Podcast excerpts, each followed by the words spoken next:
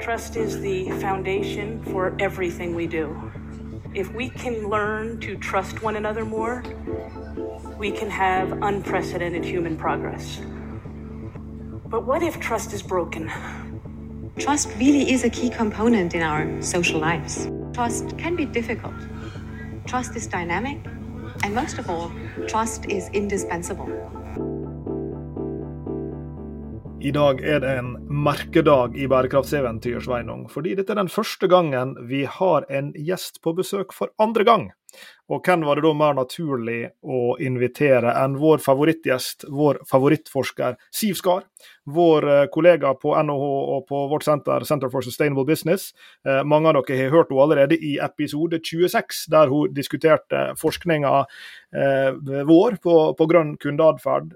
Men i dag Sveinung, så er vi tilbake igjen for å diskutere et, et litt annet tema. Velkommen tilbake til oss, Siv. Ah, tusen takk. Tusen takk for god introduksjon, Lars Jakob. Eh, ikke bare i dag, men ellers også. Noe som er deilig for meg, da, som har denne podkasten sammen med deg, det er jo at jeg aldri trenger å forberede en introduksjon. For jeg har jo tillit til at du gjør det på så framifrå måte. Ja, Det er interessant du sier, da, Sveinung, for da lurer jeg på Jeg må jo ha et oppfølgingsspørsmål. Hva er det du har tillit til? Hvorfor har du tillit til Lars Jakob i den situasjonen?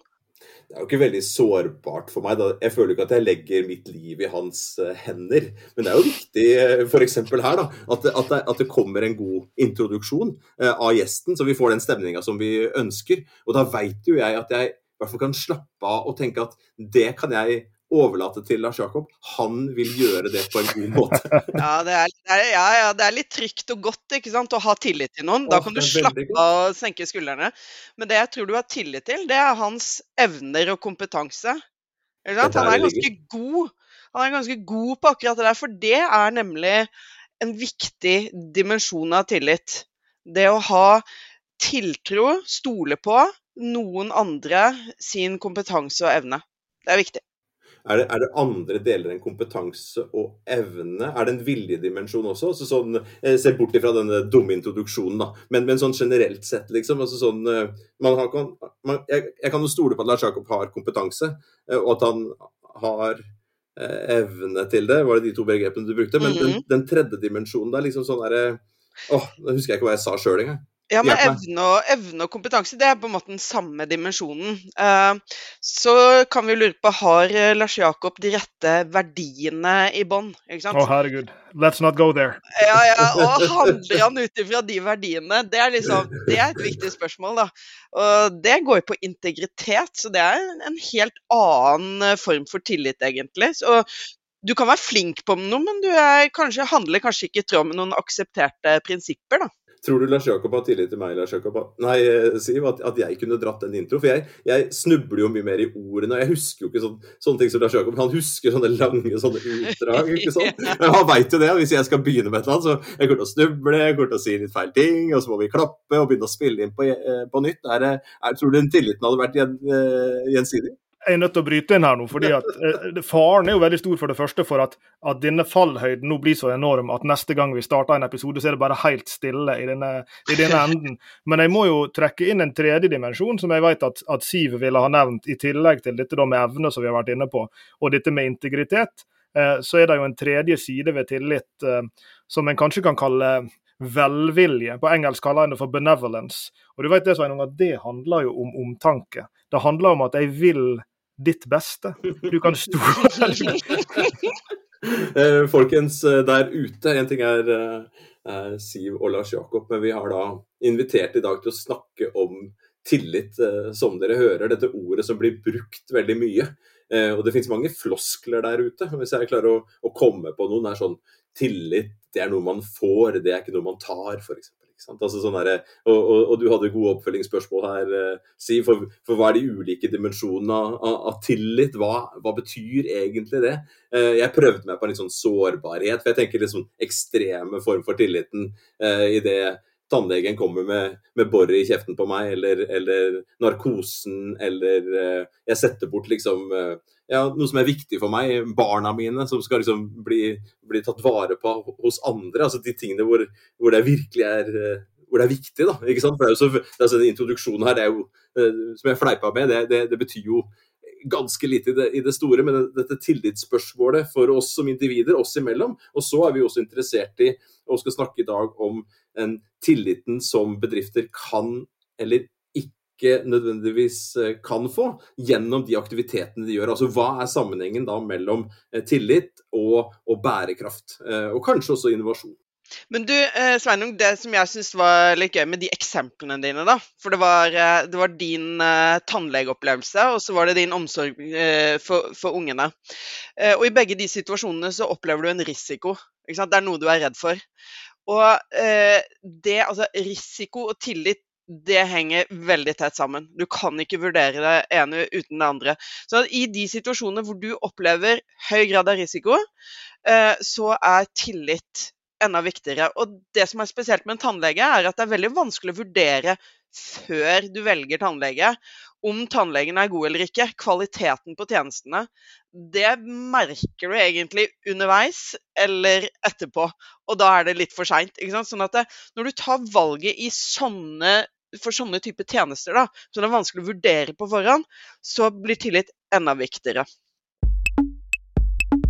I dette som, eh, som, vi er inne på her, så har vi jo beveget oss eh, elegant fra startpunktet med Sveinung sin, eh, sin tillit til meg som, som, person, over i det som nå egentlig dere er inne på, som, som er jo tilliten som, som, vi som enkeltpersoner, og kanskje i mange sammenhenger også som en slags type kunde, eller pasient eller klient, har til andre typer institusjoner. Det kan være en bedrift, det kan være et et helseforetak. Det kan være mange ulike typer eh, institusjoner. Staten som sådan er jo mye snakk om forskjeller mellom eh, land i hvor stor tillit en har til staten, og det påvirker i, i hvilken grad en er villig til å utsette seg for ulike typer risiko med, med hensyn til, til, ting staten tilbyr og ikke tilbyr, osv.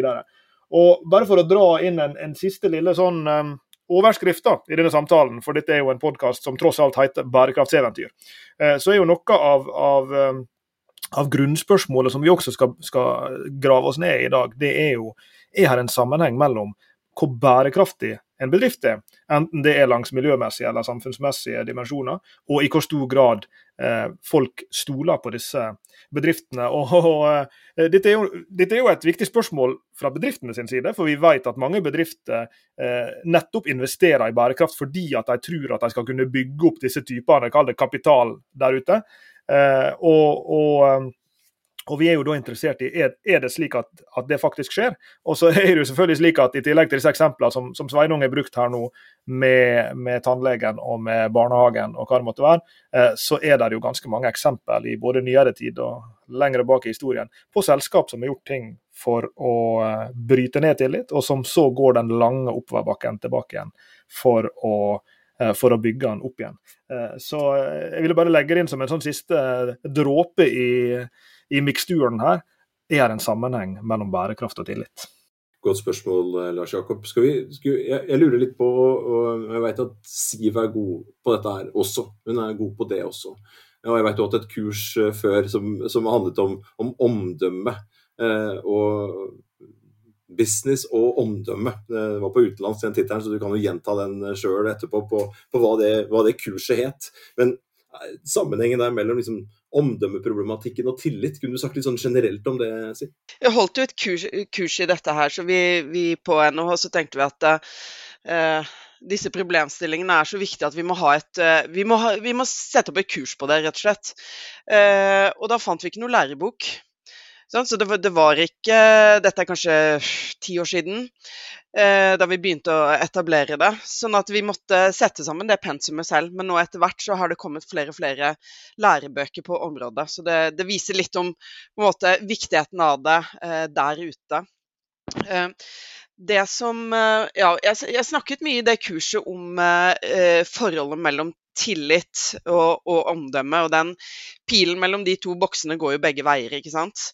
Eh, og det som, eh, det som, er viktig der, tenker jeg, er at eh, det er vanskelig å bygge et godt omdømme hvis du mangler tillit langs én av disse tre dimensjonene. Ok, eh, For å gjenta de eh, dimensjonene, da, så er det jo evner og kompetanse.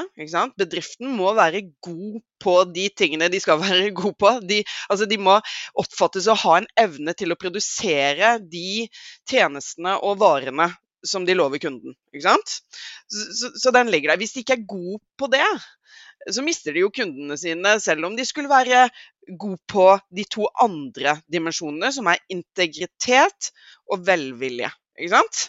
Så, du kan være den snilleste gutten i klassen, hvis du ikke leverer et god tjeneste eller et godt produkt, så, så taper du likevel. Eh, og også det motsatte. Du kan levere et godt produkt, men hvis du gang på gang bryter viktige etiske prinsipper, f.eks., så vil du til slutt eh, ødelegge ditt eget omdømme eh, og ikke kunne etablere deg i markedet. Så det, poenget mitt er egentlig at du må passe på alle de tre dimensjonene av tillit. Og kan jeg, kan jeg få lov til å snakke litt om fotball? Ja. Vi, vi oppfordrer til det med den største kraft. Ja, så bra. For det er jo eh, fremdeles, da, eh, uh, med i styret i SK Brann. Og der har det jo vært noen kriser i år, ikke sant? og vi skal ikke gå dypt inn i det. Vi bare antar at lytterne kjenner sånn noenlunde til det. og hvis vi, hvis vi tenker på det med velviljebasert tillit, ikke sant. Eh, så er det liksom en viktig gruppe for oss det er selvfølgelig supporterne. De som lager liv på, på tribunen. Uh, og de er medlemmer av klubben. så de, de, altså, Dette er jo en medlemsstyrt klubb, så det er jo de som bestemmer. Det er de som bestemmer om jeg skal sitte der i det styret i det hele tatt. Ok, Og de uh, har lyst til å drive med pyro på tribunen. Og det er jo verdens gøyeste ting. Jeg var på bortekampen mot Mjøndalen. Fullstendig takeover av den stadion. Uh, og det var pyro. Og det var så gøy. Uh, men uh, der er det jo en konflikt ikke sant, med NFF, og, som liksom selvfølgelig er redd for skader. Og så, så jobbes det noen krefter som jobber mot hverandre her. Da er det så viktig for oss som klubb å være på supporternes side. Og denne tilliten basert på at ja, vi er sammen om dette her. Mm. Vi vil deres beste, og dere vil klubbens beste. Sant? Og sånn må egentlig en bedrift Alle bedrifter må tenke sånn. Eh, og den derre Den velvillige eh, dimensjonen av tillit ekstremt viktig. Og da må jeg få lov å vise til en studie som viser at hvis en, et merke eller en bedrift er i en krise Hvis du skal få tilgivelse, så er velvilje tillitsdimensjonen det er den viktigste av de tre. Du kan liksom vise ja, styrke med, med evner og kompetanse og alle de tingene, og prøve å bygge deg opp eh, langs den dimensjonen. Og på en måte messe om eh, prinsipper og integritet, ikke sant. Men hvis du, hvis du ikke på en måte har de med deg at det er ikke dere og oss, men vi er sammen, så har du ikke kjangs til å eh, bli eh, tilgitt, da.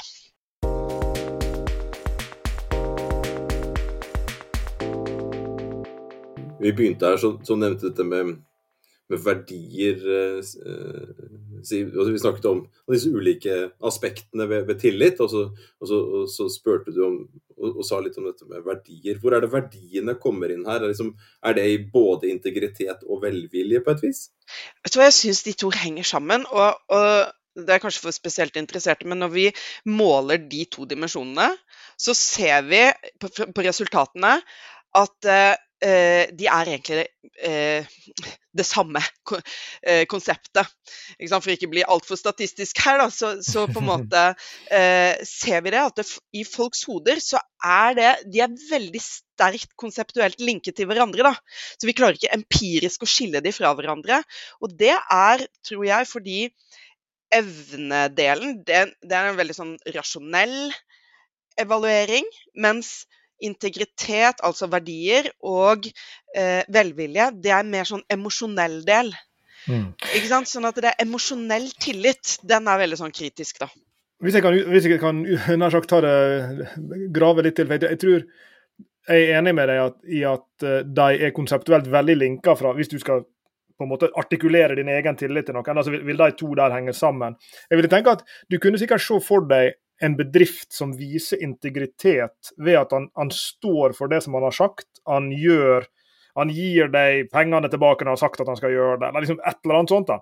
Men hvor du opplever at dette har ikke denne bedriften egentlig lyst til, men de står i det minste for det de har sagt. Og så er det andre sammenhenger hvor du kan oppleve en bedrift som må være reelt altså benevolent mot deg, da, altså velvillig, og at han viser omtanke for ditt ve og vel på et vis. Og, og, kanskje Vi snakker om tillit nå veldig fra et kundeperspektiv implisitt, da. Men, men, det er klart at tillit er jo der fra veldig mange ulike interessentgrupper, og en viktig gruppe er jo det som har med kunder å gjøre. Eh, og det er klart at, Nei, unnskyld, med ansatte å gjøre. Eh, og det er klart at det er veldig mye sånn jobbing i en eh, sånn employee branding-sammenheng. For, for, å, ja, Vi er i samme båt, som du var inne på i stad. Vi er liksom en slags familie, vi hos oss i denne bedriften. Og Jeg bare fikk en assosiasjon når du snakka om det i stad, Siv, til uh, møbelbedriften Ekornes på Sunnmøre. Som har en veldig berømt historie fra tidlig 80-tall, hvor de var i, i, ordentlig hardt vær økonomisk.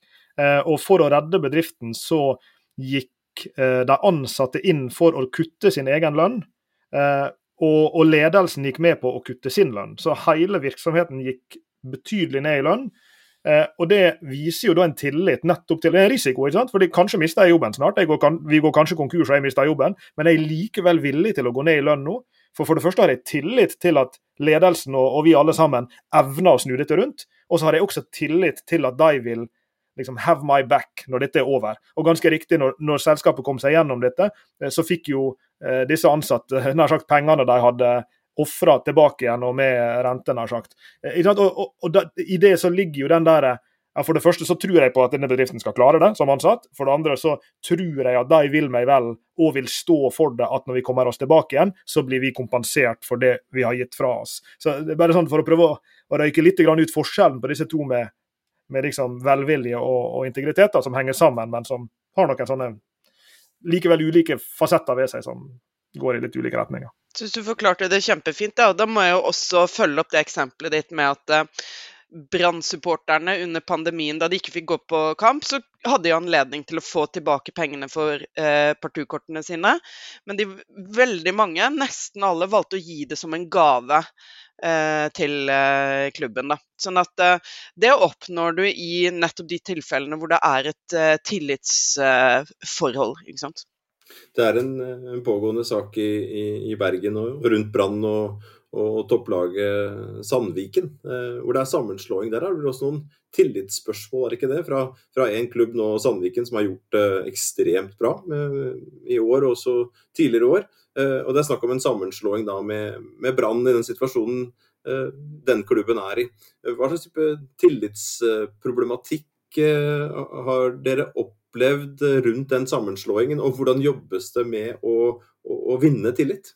Ja, det, det, kommer an på hvem, hvem, du tenker på vi skal bygge tillit hos, da. Men, men, jeg, men jeg, tenker jo sånn først og fremst vi må ha tillit hos uh, de jentene som nå skal bli brannspillere. For de kommer inn i en organisasjon eh, som er mye større, helt, helt, annerledes eh, rigget. Eh, og, og, de har jo på en måte sitt eh, bilde av Brann, altså omdømmet til Brann, det er jo sett utenifra. Men nå skal de komme inn eh, på innsiden. Eh, sånn at det går litt på det der integritets- eh, og eh, benevolence, eller velvilje, eh, dimensjonene av tillit. ikke sant? At her må vi demonstrere for de nye spillerne våre at dette vil vi virkelig. ikke sant? Dette er ikke noe sånn greenwashing. Dette er ikke noe sånn eh, en boks vi tikker av for nå må, nå må da Brann for pokker også ha damelag. Altså, dette vil vi. Det må gjøres på en troverdig måte. ikke sant? Og Det tror jeg var litt også som du snakket om i, i, i stad, eh, Lars Jakob, at det, ja, det, er ganske mange ting du kan gjøre som ser fint ut på papiret. Ja, vi følger, vi etterlever våre egne verdier. men troverdigheten, altså måten du gjør det på, eh, den er litt eh, vrien, altså. Det var spillerne. Eh, hvilke andre interessenter og, og jobbes det med der? Altså, hvem er beslutningstagerne oppi dette her? Ja, det er mange. ikke sant? Vi, vi eh, lanserte jo dette her i går. Uh, det nye styret hvor jeg skal være en del av. og Da, da måtte vi jo fri litt til, til, næringslivet i Bergen. ikke sant? Fordi at de er jo nødt alle, alle, står og heier på dette her. Men det er jo litt sånn show me the money. altså det Her må vi legge ned ressurser for å bygge opp dette. For dette, det er et tog nå som går. altså Kom igjen, vær med oss. Og det er utrolig mange som har lyst til å være med oss. Men Eh, de gjør ikke det hvis de ikke har tillit til prosjektet. Så Det er jo vår jobb å bygge opp den tilliten til prosjektet. At det ikke er en sånn boks vi forsøker å tikke i, i det store brannsystemet, men at nei, her har vi unik mulighet til å få Brann inn i Champions League eh, for damer. Det er jo helt rått, eh, og det bør bare alle være med og, og heie på. Men vi kan ikke sitte og si dette her uten å vise at vi faktisk eh, satser. Så det er sånn Da, da legger vi kred i ordene våre.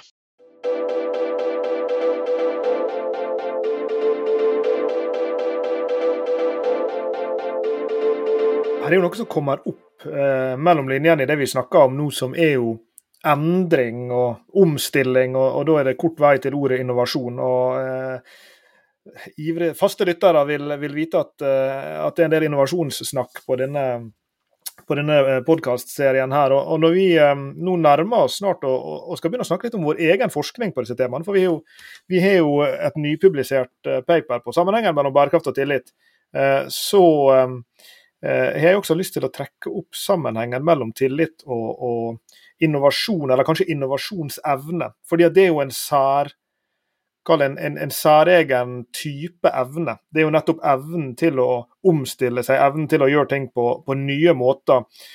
Eh, og, og, og, jeg vet at du har forska på det også, uavhengig av studien du har gjort med oss, eh, Siv. Og, og, hvorfor skulle vi tenke at det var en sammenheng mellom tillit og evnen til å være innovativ? Jeg tror du ga stikkordet selv i stad, med, med endringsvilje og endringskapasitet. For da har du jo pekt på de to viktige dimensjonene der.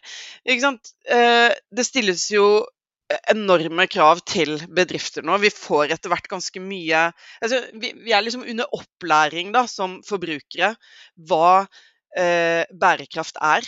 Ikke sant? Sånn at før når du bare trengte et nøkkelhull eller en, eller annen svanemerke eller hva, hva søren Vi aksepterer ikke det eh, helt lenger. Um, tror jeg. Sånn at eh, etter hvert som vi får mer kunnskap, så stiller vi også høyere krav til de nye grønne produktene, altså innovasjonene som kommer på markedet.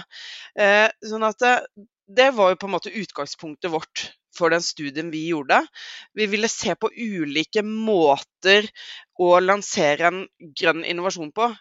Eh, for å se okay, hvilken effekt har dette på tilliten ute i markedet. For vi tror jo ikke at det, å være grønn i seg selv eh, eh, automatisk skaper tillit. Det er kanskje da på tide å introdusere studien som vi her henviser til. Det er altså et uh, et uh, vitenskapelig arbeid som vi nylig publiserte, uh, Sveinung, Siv og jeg, som heter 'How Going Green Builds Trusting Beliefs'.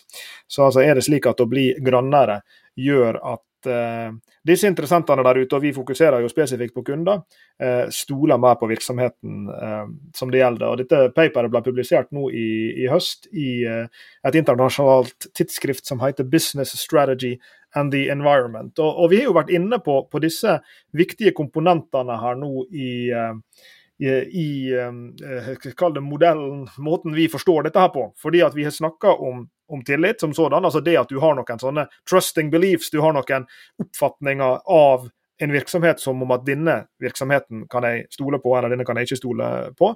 Og så ser vi det i sammenheng da med, med noen ulike, eh, noen ulike faktorer. Hvorvidt virksomheten oppfattes som bærekraftig eller ikke.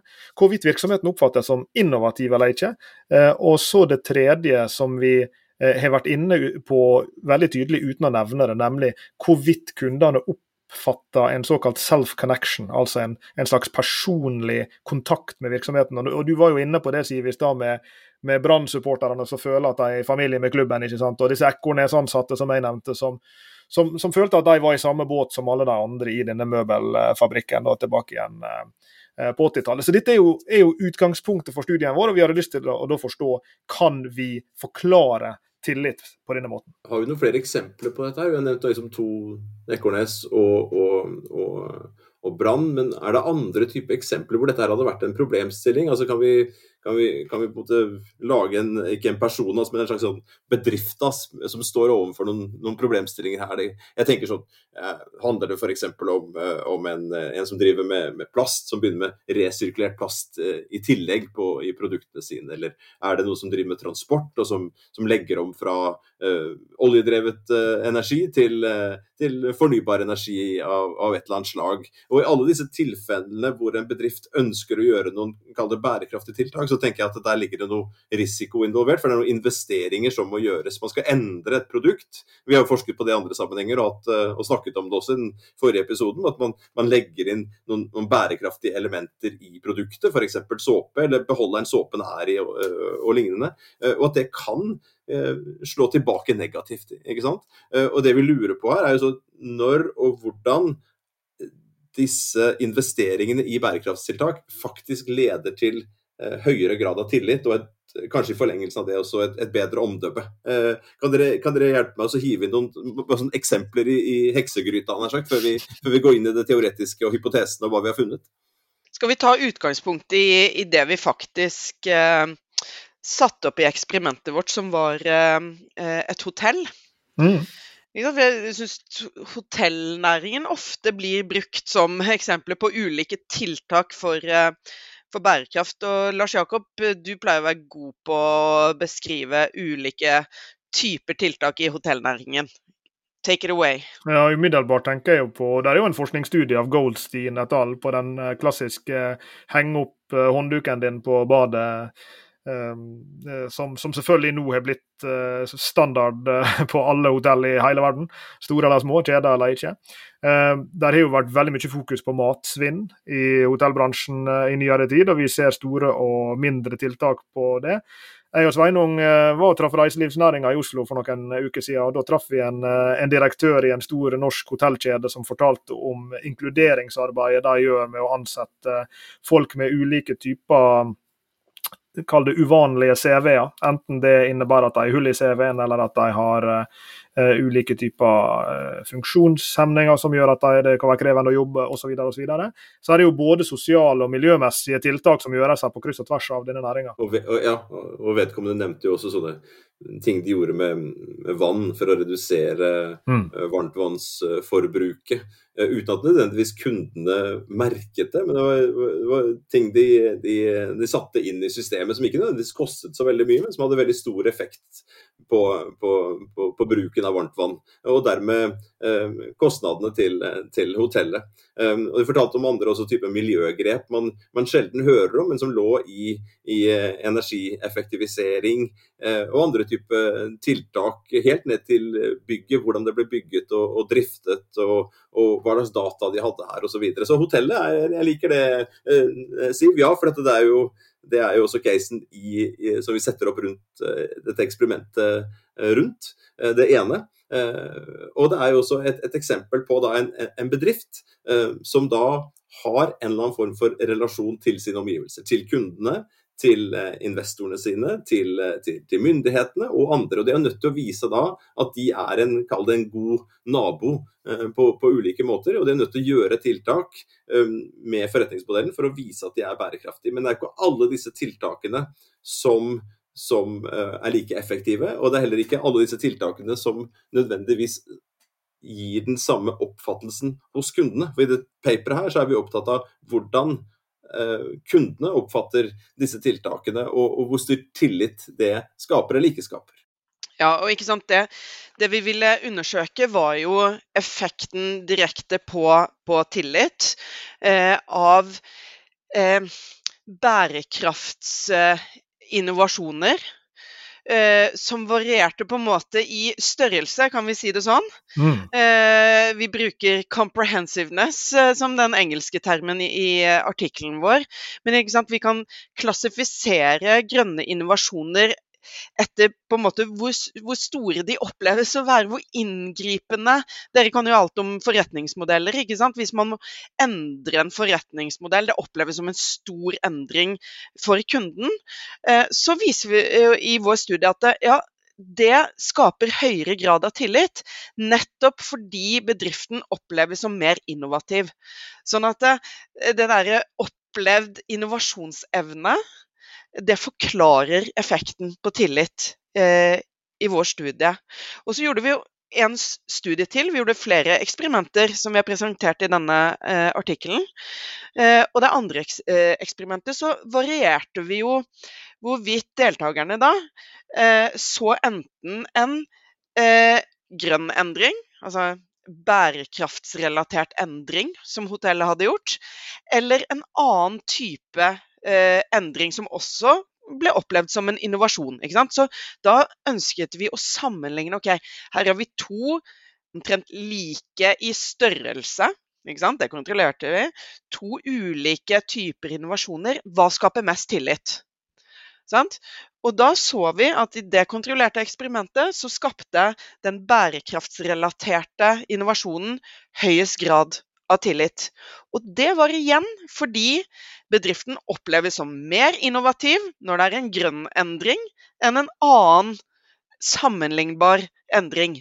Og så fant vi også at en forklaringsmekanisme der var det at kunden identifiserte seg mer med det selskapet som presenterte en grønn endring. Og det har jo med verdiene våre å gjøre. ikke sant? Vi identifiserer oss mer med selskaper som gjerne viser nettopp den der integritet og velvilje-type eh, eh, tiltakene. Men dette er jo veldig viktig. Eh, nå skal, skal, jeg hekte meg på Alt du sa var viktig, men jeg skal hekte meg på én ting som, som, er veldig viktig. og det er det her at Når en, når en snakker om bærekraft og innovasjon, så glemmer en jo ofte å, å kontrollere for nettopp det som du er inne på. at at en endring i seg sjøl kan jo være attraktiv for folk. Så, så nær sagt, når, når, en bedrift gjør noe for å bli mer bærekraftig, så kan jo det være at folk liker det fordi at de blir mer bærekraftig, men det kan jo også være at de simpelthen liker det fordi at oi, her var det noe nytt. Dette produktet som jeg kjøpte i alle år, har plutselig en ny eh, farge på etiketten, en ny beholder, og den er tilfeldigvis resirkulert, men jeg bare likte beholderen. Så, så det er jo et viktig spørsmål. det der, Er det, er det bærekraftsinnovasjonen som er viktig, eller er det bare innovasjonen i seg selv som er viktig? Og, og Studien vår viser jo da eh, nettopp at i, i, disse eksperimentene vi kjører her, eh, så er det en forskjell på da, eh, å, å, bare gjøre noe som er en forbedring. Jeg, så vidt jeg husker, så er Eksempelet vi bruker her med hotellkjeden, er jo bare en app som gjør eh, opplevelsen av å bo på hotellet mer strømlinjeforma og enklere, sammenlignet med en, en, app som gjør, eh, gjør det grønnere, knytta til at du kan spare strøm og diverse ting. Så da får du kontrollert for at ja, det er ikke bare det at du får appen, eller det er ikke bare at du får et eller annet nytt, men du får noe nytt som også er grønt. Ja, da er konsekvensen for, for tilliten til, til selskapet større ja, da oppleves du som mer innovativ enn om endringen er av en annen karakter. Så da er det endring i seg selv vet vi oppleves som innovativt. Det, det, visste vi fra før, men her er det det at noe er grønt, endringen er grønn, som skaper den effekten. Jeg kom til å tenke på Volkswagen her jeg satt, og nå tar jeg et lite skritt ut av studien vår. eller en, en liten sånn, uh, Vi kan godt diskutere det i lys av studien, uh, men jeg kom til å tenke på Volkswagen, som uh, hadde jo en stor famøs blemme når de ble tatt med, med buksene nede med disse var det CO2-målinger. Det var en eller annen slags form for måling hvor ja, noen filter knytta til diesel og ja, utslipp og sånne ting. Eh, og, og, fra et tillitsperspektiv så var jo det en ordentlig skrell for selskapet, selvfølgelig. Og, og eh, dette er jeg sikker på der har vært eh, betydelige eh, midler brukt på å kartlegge hvordan tilliten til selskapet har utvikla seg både umiddelbart etterpå og, og, lenge etterpå. For dette er jo noe som for et brand av Volkswagen sin størrelse selvfølgelig er, er veldig veldig viktig. Og Det som dukka opp som en diskusjon eh, i etterkant av det her, var jo ja, hva skal Volkswagen gjøre nå for å bygge tilliten opp igjen? Og Du nevnte floskler i stad, Sveinung. En floskel er jo at uh, tillit uh, kan, brytes ned over natta, men det tar uh, nær sagt årevis å bygge den opp igjen. Altså med andre ord, det å um, det å, å, bygge tillit, det, det er noe som, som, skjer over tid, men det skjer også relativt til hvor du står.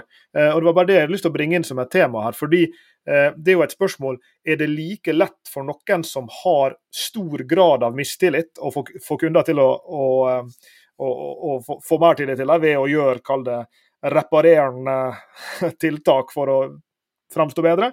Eh, eller er det Eh, lettere å bygge tillit fra, fra, en situasjon hvor du allerede blir sett på som, som ganske tillitsverdig. og Det var et, et, ledende spørsmål, da. men dette er jo et, et spørsmål som også forskere har, har, vært opptatt av. Det er jo tilbake i eh, 2015, denne her skandalen. ikke sant? Og det var jo sånn grønn, grønnvaskingsforsøk eh, i realiteten. Altså, eh, det som jeg tenker var veldig alvorlig, eller så, gjorde det ekstra alvorlig for selskapet, var at det, Made in Germany. ikke sant? Det er sånn det, det er et tillitsstempel i seg selv og et kvalitetsstempel, så det på en måte går rett inn i kjernen til merkevaren og ødelegger den.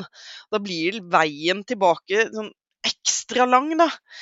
Eh, så det var en, en, en veldig alvorlig krise. Men, men, du snakker om det å reparere tillit.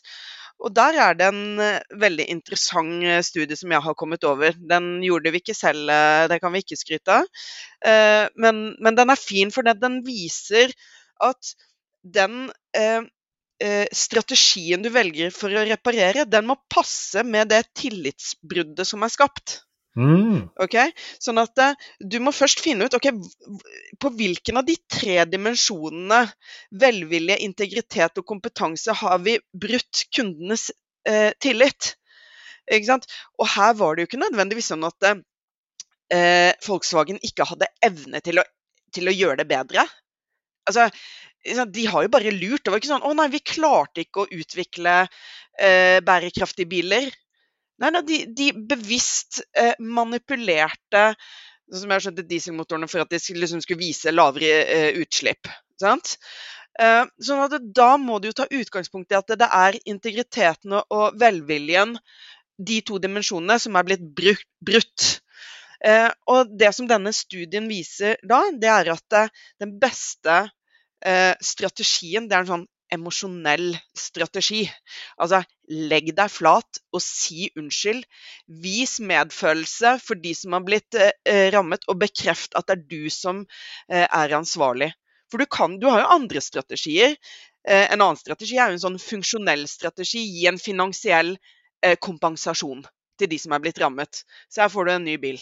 Altså, den, den funker eh, hvis eh, det er en sånn evne tillitsbrudd. Men når det ikke var det, så, så, så, kan du bare glemme at en sånn type strategi skal eh, eh, fungere. Du kan også ha en sånn informasjonsstrategi. OK, hør her. Dette var det som skjedde. Her var stegene eh, som forklarer. ikke sant? Og her er sånn vi, vi skal løse det fremover. Det er en sånn eh, informasjonsstrategi. Og den kan fungere hvis det er sånn evne eh, tillitsbrudd også. Så i dette caset så vil jeg si, basert på denne studien, at Volkswagen altså bruk en emosjonell strategi og bare legg deg paddeflatt. De kjørte vel en, en, en kombo der. Også i, i, mars i år, i 2021, så kjørte de jo et stunt uh, og gikk ut og sa at de skulle endre navnet til Volkswagen. Husker dere det? De skulle gå fra folks, altså folkevogn til V, altså Volt Volkswagen. Altså de skulle bli eh, helelektronisk, eh, og, og, og, de skulle da rebrande dette gamle brandet fra Volkswagen til, eh, til, til, folk, nei, til Volt, Volkswagen eh, Strøm. Eh, og det fikk jo et ordentlig det, altså på, på, godt utenlandsk backfired, eh, noe voldsomt. og det var en spøk. altså Det ble lagt fram som en spøk, men dette her hadde jo en veldig stor konsekvens. Jeg vet ikke om det kom Jeg kjenner ikke årsakssammenhengen her, om det kom da fra krisen. At man prøvde kanskje å komme med de riktige tiltakene gitt uh, hva de har vært uh, utsatt for. Og så har, de vel merket, de og andre i denne bransjen, når vi er tilbake til innovasjon og bærekraft og bærekraftstiltak, um, at de kanskje da ikke hadde gjort vært like framme i, i, i skoa da, eh, som, eh, som Tesla f.eks. Med det å utvikle eh, batteridrevne elektriske biler. De, de, de havna bakpå, ikke bare det. De hadde juksa. Dieselgate, som det heter. Juksa og latt som disse bilene hadde lavere utslipp enn det de faktisk hadde. Og så kommer de da med en sånn, nesten sånn jipp Eh, at de da skal bli Voltswagen. Eh, isteden, før de trakk det tilbake. og Det måtte de virkelig si uh, unnskyld for. og Det er også veldig mye diskutert etterpå, også i lys av hverandre. Timinga. Det er litt sånn, litt sånn too soon. altså, sånn der, ja, det er jo en sånn eksempel på en funksjonell strategi. Her tar vi et ledelsesgrep som på en måte skal reparere det, men da har du ikke reparert eh, problemet. For du har jo ikke skjønt problemet. Eh, og det er jo sånn, Vi har mange eksempler på det. Sant? At selskapet forsøker å eh, fikse omdømmet sitt med å endre navn. Uh, altså, Equinor, så enkelt er det ikke, men det er jo kanskje det første eksempelet folk tenker på. At ok, Nå skal vi eh plassere oss i en annen mental kategori i, i hodene på forbrukeren, så vi bare endrer navn. Men det er klart, det alene vil jo ikke eh, fikse noe som helst. Eh, det bygger du ikke tillit på. Da må du fylle det med troverdig innhold og, og endre eh, virksomheten din. Vet vi om noen som har studert dette? Altså sånn, Har det virkelig ikke hatt den effekten? Jeg bare tenker på meg, da. Og på meg så kjenner, ja, på seg selv kjenner man ingen andre. Men, men, men meg ja, men altså, hvis, jeg, hvis, jeg, hadde gått til et annet univers nå, så sånn Å ja, her er norske stat Oil, eid av staten, driver med olje. Og så er det liksom Equinor-likhet. Eh, vi tenker framover. Vi, eh, vi, skal bevege oss fra denne brune økonomien mot den, den grønne. Vi har begynt å investere i havvind og andre fornybare eh, prosjekter. Jeg, jeg, må, jeg, er i hvert fall lettlurt nok til å tenke at at, at, at, det gjør noe med meg, i hvert fall over tid. Inntrykket mitt av et sånt type selskap.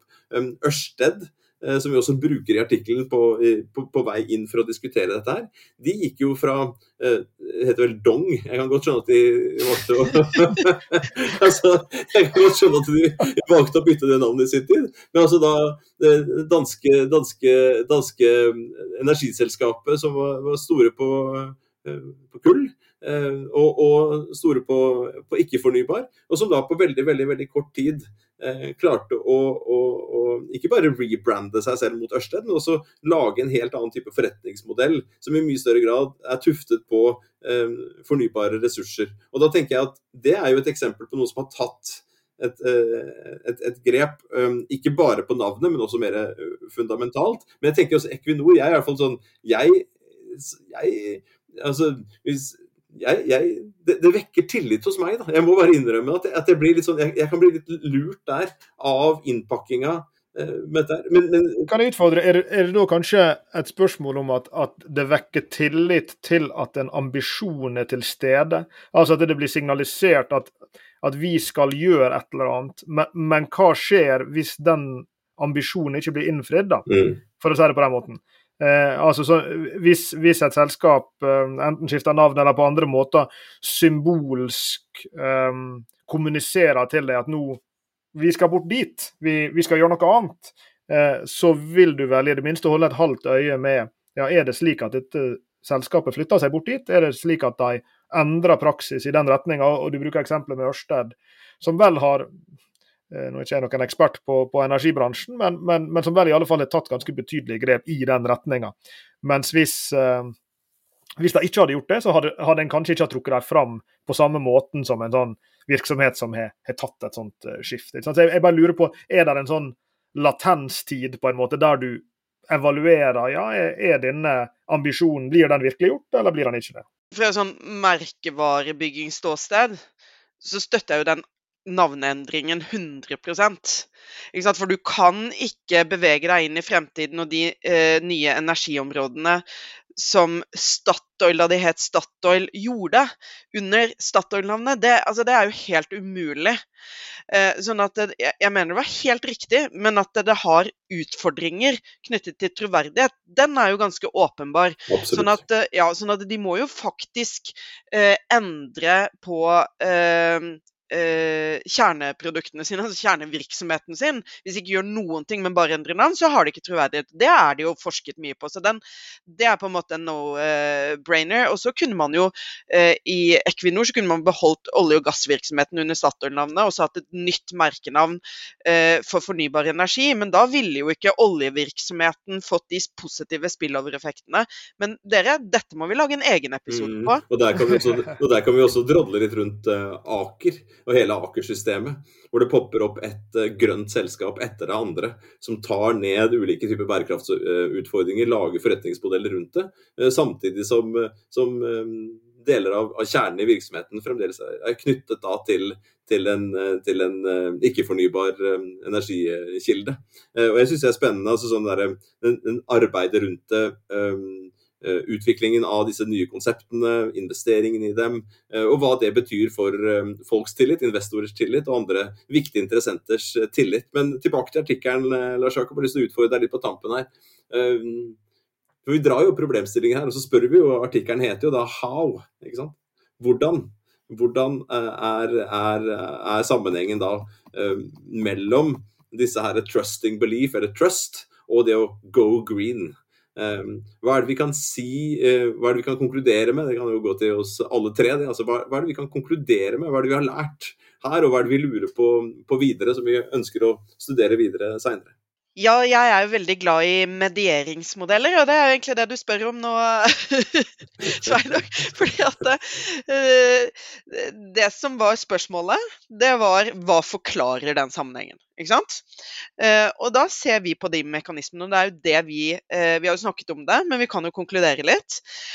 og det er at graden av endring, effekten av grad av grønn endring, Eh, effekten av det på tillit, det forklares eh, med eh, opplevd innovasjonsevne. Så det er den ene hvordan. Og den andre hvordan vi finner, det er at en grønn endring sammenlignet med en annen type endring som også gir verdi, det fører til at forbrukeren identifiserer seg mer med selskapet det selskapet der og jeg, vi har på en måte lignende personlighet. Sant? Eh, og det forklarer effekten også på tillit. Så det er de to forklaringsmekanismene eh, vi finner. Og så har jeg lyst til å legge til en til, og her skal jeg være um, pinlig ærlig og si at um, dette har jeg glemt. uh, men da kan jeg henvise til, uh, til produsenten Brian Eno, som um, som kommenterte det når han fant et, uh, en gammel plate som han hadde spilt inn, men aldri gitt ut. Så sa han om den plata uh, Did I make this? Which me made this? Hvilket meg var det som, uh, som, gjorde det her? Og Sånn kan det av og til føles når du leser ting du har skrevet også. og, og en ting som, som vi også utforsker, men gjør min, et mindre nummer ut av i denne artikkelen, det er jo at disse effektene de er sterkere for folk som har en såkalt grønn profil. Altså med andre ord eh, kunder som, som eh, Kall det da vektlegger eh, og, og tro, tror mer på at disse miljøproblemene er ekte, og, og vektlegger dem som viktigere i beslutningene sine. Og Det er jo kanskje ikke en overraskende eh, innsikt, men, men han er viktig likevel. Og, eh, altså med andre ord, De personene oppfatter disse selskapene som både mer innovative, og de føler en sterkere kobling til dem. Og Da er det jo et interessant spørsmål her som, som vi ikke studerer, men, men, som er i forlengelsen av det, og som, som gjerne hører dere reflektere over. Betyr det at disse tingene vil komme til å bli enda viktigere for tillit for virksomhetene framover, fordi at flere og flere blir såkalte grønne kunder. Og da mener jeg ikke sånn blodgrønne, altså.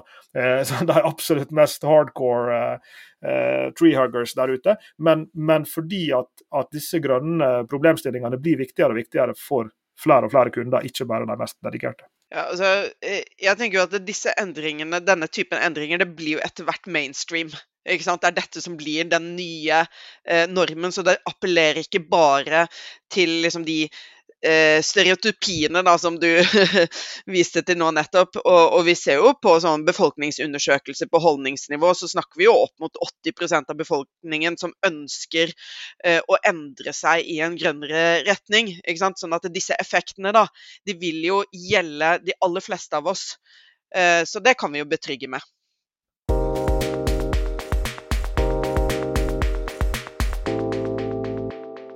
Jeg eh, skal vri meg unna å svare, Lars Jakob. Og så har jeg lyst til å bare trekke en linje tilbake til, eh, til et, av, et, av, våre første doktorgradskurs, hvor vi hadde gleden av å møte nå dessverre avdøde for noen år siden Harald Grimen, som døde altfor tidlig. Den fantastiske forskeren som har skrevet den bitte lille boka som heter 'Hva er tillit?' Og dro, gjorde litt sånn eh, research til, til denne episoden og, og, gravde litt, så, så dukka den, den, opp igjen. Og, og, og Harald, han, eh, han eh, Grimen, han, han, han, definerte tillit, eller han hadde sånn, en, en, måte å si det på. så Tillit er å handle med få forholdsregler. Mm. Handle med få forholdsregler. Eh, eh, han eh, jeg kjenner nesten jeg blir litt rørt, for det var helt fantastisk å, å møte han. En sånn, en, en sånn, type forsker som vi har altfor få av. En sånn ekte intellektuell undrer. Dro oss økonomer ut, og, ut, ja, ut på diskusjoner og, og var veldig åpen.